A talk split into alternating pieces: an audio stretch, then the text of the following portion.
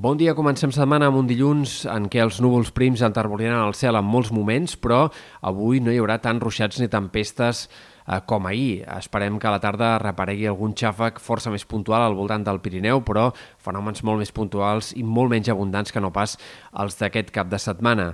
Pel que fa a temperatures, calor moderada, avui màximes per sobre dels 25 graus en molts indrets, però poques temperatures de més de 30 una mica en la línia del que va passar aquest diumenge. De fet, aquesta serà una mica la tònica de bona part de la setmana.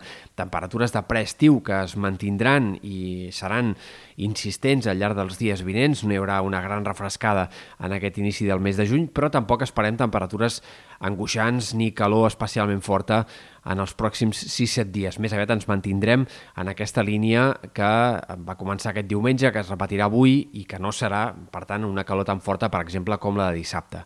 Pel que fa a l'estat del cel, eh, haurem d'estar pendents de diverses situacions amb possibilitat de tempestes aquesta setmana. La primera ja aquest dimarts, a la tarda els ruixats i tronades afectaran moltes comarques de l'extrem oest de Catalunya, la franja, punts del Pirineu i Prepirineu, i en aquest cas, de nit i matinada, també podríem tenir alguns ruixats localment intensos a la costa, sobretot entre la costa central i Costa Brava, Cal esperar també la possibilitat d'alguns aiguats sobtats que puguin deixar 10-20 litres per metre quadrat en poca estona. Dimecres quedarien alguns ruixats al matí en comarques de Girona, però ja serien fenòmens bastant més puntuals i poc abundants.